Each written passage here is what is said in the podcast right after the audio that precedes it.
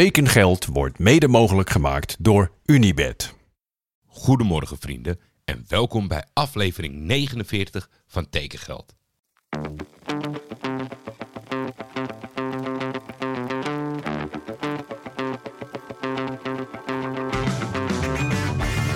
Waar gaat Hilderman naartoe?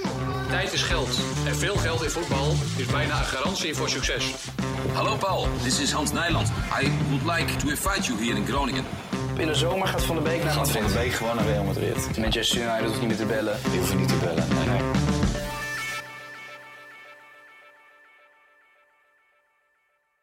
Laat ik vandaag eens openen met iets saais.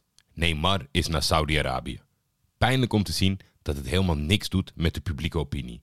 Ronaldo ging, de hele wereld stond stil en daarna kwamen meteen de geruchten: wat gaat Messi nu doen? Hij geloofde meer in het scenario dat ze in Amerika hadden voorbereid, dus de hele wereld keek ineens naar een soort WWE-versie van voetbal in Miami. Neymar zou een bommetje moeten zijn, maar weer wordt hij geconfronteerd met het feit dat hij echt een hele goede voetballer is, maar niet that guy. Je kan niks tweeten over die Argentijn of Portugees of hordes fanboys vallen je aan. Ik zie echt helemaal niemand dan maar ook iets geven om dit nieuwtje. De Arabieren geven hem een astronomisch bedrag. En ergens ben ik gaandeweg deze periode gaan denken dat ze nog wel goed nadenken over hun zaken en gericht op kinderen dat ze misschien een heel eind komen met hun competitie aantrekkelijk maken. Maar dit soort bedragen de prullenbak ingooien gebiedt toch van weinig gedachtegoed. Ik ken echt geen minder gemotiveerde speler dan Neymar. En nu is er al helemaal geen reden meer om feestjes, partijen en, en intieme familiebijeenkomsten te missen. Via Parijs wilde hij uit de schaduw stappen van de allergrootste. Het leverde hem en Parijs eigenlijk niks op. Niet één prijs die PSG heeft gewonnen, hadden ze niet gewonnen zonder hem. Als het erop aankwam, gaf hij nooit thuis. Ergens, zo hardop denkend, denk ik toch ineens... misschien is het gewoon wel een match made in heaven. Twee luie partijen die elkaar hebben gevonden. Heel veel succes daar, Neymar. Over naar de transfers van vandaag. Nick Venema verlaat VVV Venlo. Ik weet niet of Valencien Lucas Woudenberg heeft ingezet voor deze transfer, maar ze worden wel per heden teamgenoten. Laten we luisteren naar Joey Steeg over hoe het vertrek in Venlo is gevallen. Roger Mila, Vincent Aboubakar, Patrick Pauwen, Jean-Pierre Papin en Lucas Woudenberg. Het zijn slechts enkele bekende namen van het Franse Valenciennes FC. Maar vanaf dinsdag 15 augustus mogen we ook eh, Nick Venema tot het lijstje rekenen. Na anderhalf jaar laat eh, Venema de koer achter zich en gaat op een steenworp afstand van de Belgische grens spelen. Afgelopen zaterdag eh, bereikte mij het nieuws dat hij verkocht zou worden in de Franse tweede divisie is. Iets wat ik persoonlijk erg jammer vind. Maar na Ennio van der Gouw maakt VV eh, deze transferwindow opnieuw een broodnodige financiële klapper. Iets wat gezien de financiële status ook wel nodig is. Want voor degenen die onder een steen hebben geleefd, VV heeft het afgelopen seizoen namelijk een tekort van 2 miljoen en er spelen nog 100 andere negatieve zaken. Ja, mochten we dit willen bespreken, dan eh, is de podcast direct gevuld en ik denk niet dat dit de bedoeling is. Terug naar Venema. Ja, bij VV in 58 wedstrijden, 21 doelpunten en 10 assists. En dan was hij vaak niet eens basisspeler. Dit omdat eh, Rick Kruijs geen systeem kon bedenken waarin zowel Sven Braken als Nick Venema konden renderen. Ja, clubs uit de Eredivisie die hebben eigenlijk wel een beetje zitten slapen. Venema die combineerde een bizarre snelheid met een enorme doelgerichtheid. Maar wellicht speelde het ook mee dat hij af en toe als een blind paard over het veld dartelt en dan totaal geen, eh, geen zicht meer heeft voor zijn medespelers. Ja, gezien de successen van enkele Nederlandse spelers in de Franse tweede divisie verwacht ik wel dat deze overstap een bewuste keuze is. Kijk bijvoorbeeld eens naar de ontwikkeling van Spierings en van de Bomen. Of Venema net zo succesvol gaat worden, we gaan het zien. Sinds vandaag maakt Alec van Hoornenbeek deel uit van de selectie van FC Twente. Alec is een product van de Helmond Mechelen Multiclub Owners Project. FC Twente huurt de linksbenige verdediger van het Belgische KV Mechelen en heeft daarna een optie tot koop. Arnold Brugging is blij met de komst van Van Horenbeek. We zijn al een tijdje op zoek naar een linker centrale verdediger. Met de komst van Alec hebben we dit nu ingevuld. Daarnaast heeft hij regelmatig als linksback gespeeld. Het is mooi dat hij daar ook uit de voeten kan.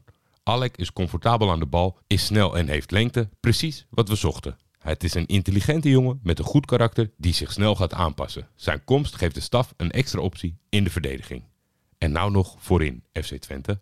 In Breda kon de vlag uit vandaag. Want ze hebben buitenspeler Roy Kuipers binnengehengeld van RKC Waalwijk. RKC-expert en VI-legend Chris Tempelman snapt de Hosanna-stemming in Breda wel. Ja, Roy Kuipers naar NAC, dat is wel een, eh, Een opvallende transfer, denk ik. Uh, ik kan me voorstellen dat ze daar in Breda gelukkig mee zijn. Brabantse jongen, opportunistische speler. Nooit helemaal doorgebroken bij RKC. Hij kwam toen van Den Bosch, waar hij heel makkelijk scoorde. En uh, eigenlijk best wel een, een, kleine sensatie aan het worden was in de, in de keukenkampioen-divisie. Zijn debuut bij RKC. Zullen we nooit vergeten, denk ik. De echte mensen die het weten, die erbij waren. Hij scoorde als invaller tegen NEC. Heel snel. Uh, hij kwam snel, maar hij, hij, hij, kwam er nooit echt door. Hè? Hij heeft nooit echt, uh, echt een basisplaats af kunnen dwingen in, uh, in Waalwijk. Te veel spelers voor hem ja, die, die, die, die in de pickorde boven hem stonden. Zowel bij Oosting als blijkbaar nu ook bij Vrezen. Dus dat is de reden dat ze hem ook laten gaan, denk ik. Hij heeft voor twee jaar getekend bij, bij NAC. Ik denk dat het een typische Jupiler League speler, zoals we dat vroeger noemden, nu keukenkampioen divisie speler is. Uh, ja, die echt wel, echt wel iets heeft, iets opportunistisch. Ik denk dat hij uh, aan de buitenkant gevaarlijker is dan uh, centraal in de, in de aanval. Ik las bij NAC dat ze zeiden dat hij ook centraal in de spits kon spelen. Nou, dat zou ik hem toch niet toevertrouwen. Meer vanaf de rechter of linkerkant dan naar binnen komen. Actie, snelheid, publiekspelertje, dat kunnen ze daar best gebruiken. Kunnen ze best waarderen. Ik denk dat het voor dat niveau een, een prima speler is. En misschien ja, een tussenstapje om later weer een stap omhoog te maken. Het zou zomaar kunnen, hij is nog jong zat. Dus uh, wat dat betreft, een uh, leuke speler om te volgen in elk geval. En nogmaals, ik, ik snap wel dat ze daar optimistisch over zijn in, uh, in Breda. Ze hebben nog wel wat meer nodig dan dat, denk ik. Maar ik kan me voorstellen dat ze dat, dat ze dat wel zien zitten. Dat het wel een jongen is die het publiek op de banken krijgt. En dat ze, ja, misschien veroorzaakt hij wel dat er wat extra biertjes getapt worden daar. Want daar gaat het uiteindelijk toch om bij NAC, geloof ik. Nee, leuke transfer in elk geval voor, uh, voor Kuipers zelf. Die moet gaan spelen, die moet aan speeltijd toe gaan komen. Die moet minuten gaan maken. Hij is volgens mij 23 inmiddels. Dus dan, dan kan je niet langer op de bank zitten, niet langer wachten. En ik denk dat hij, uh, ja, dat hij ook gewoon ongeduldig is geworden. En dat RKC gezegd heeft van ja, hier gaat het hem niet worden. Uh, gaat ergens anders zoeken. Nou, wat kan je dan beter doen als Brabander dan bij een andere Brabantse, een typisch Brabantse club. Moet goed komen. NAC moet Kuipers omarmen, Kuipers moet NAC omarmen. En dan denk ik dat we stiekem nog wel wat van deze jongen gaan horen. Dan komen de Tekengeld Academy, ja daar is hij weer, en de Tekengeld Transfer Bingo ineens helemaal samen. Want Charleroi jeugdproduct Francesco Antonucci is per direct transfervrij. Hij en Feyenoord gaan uit elkaar.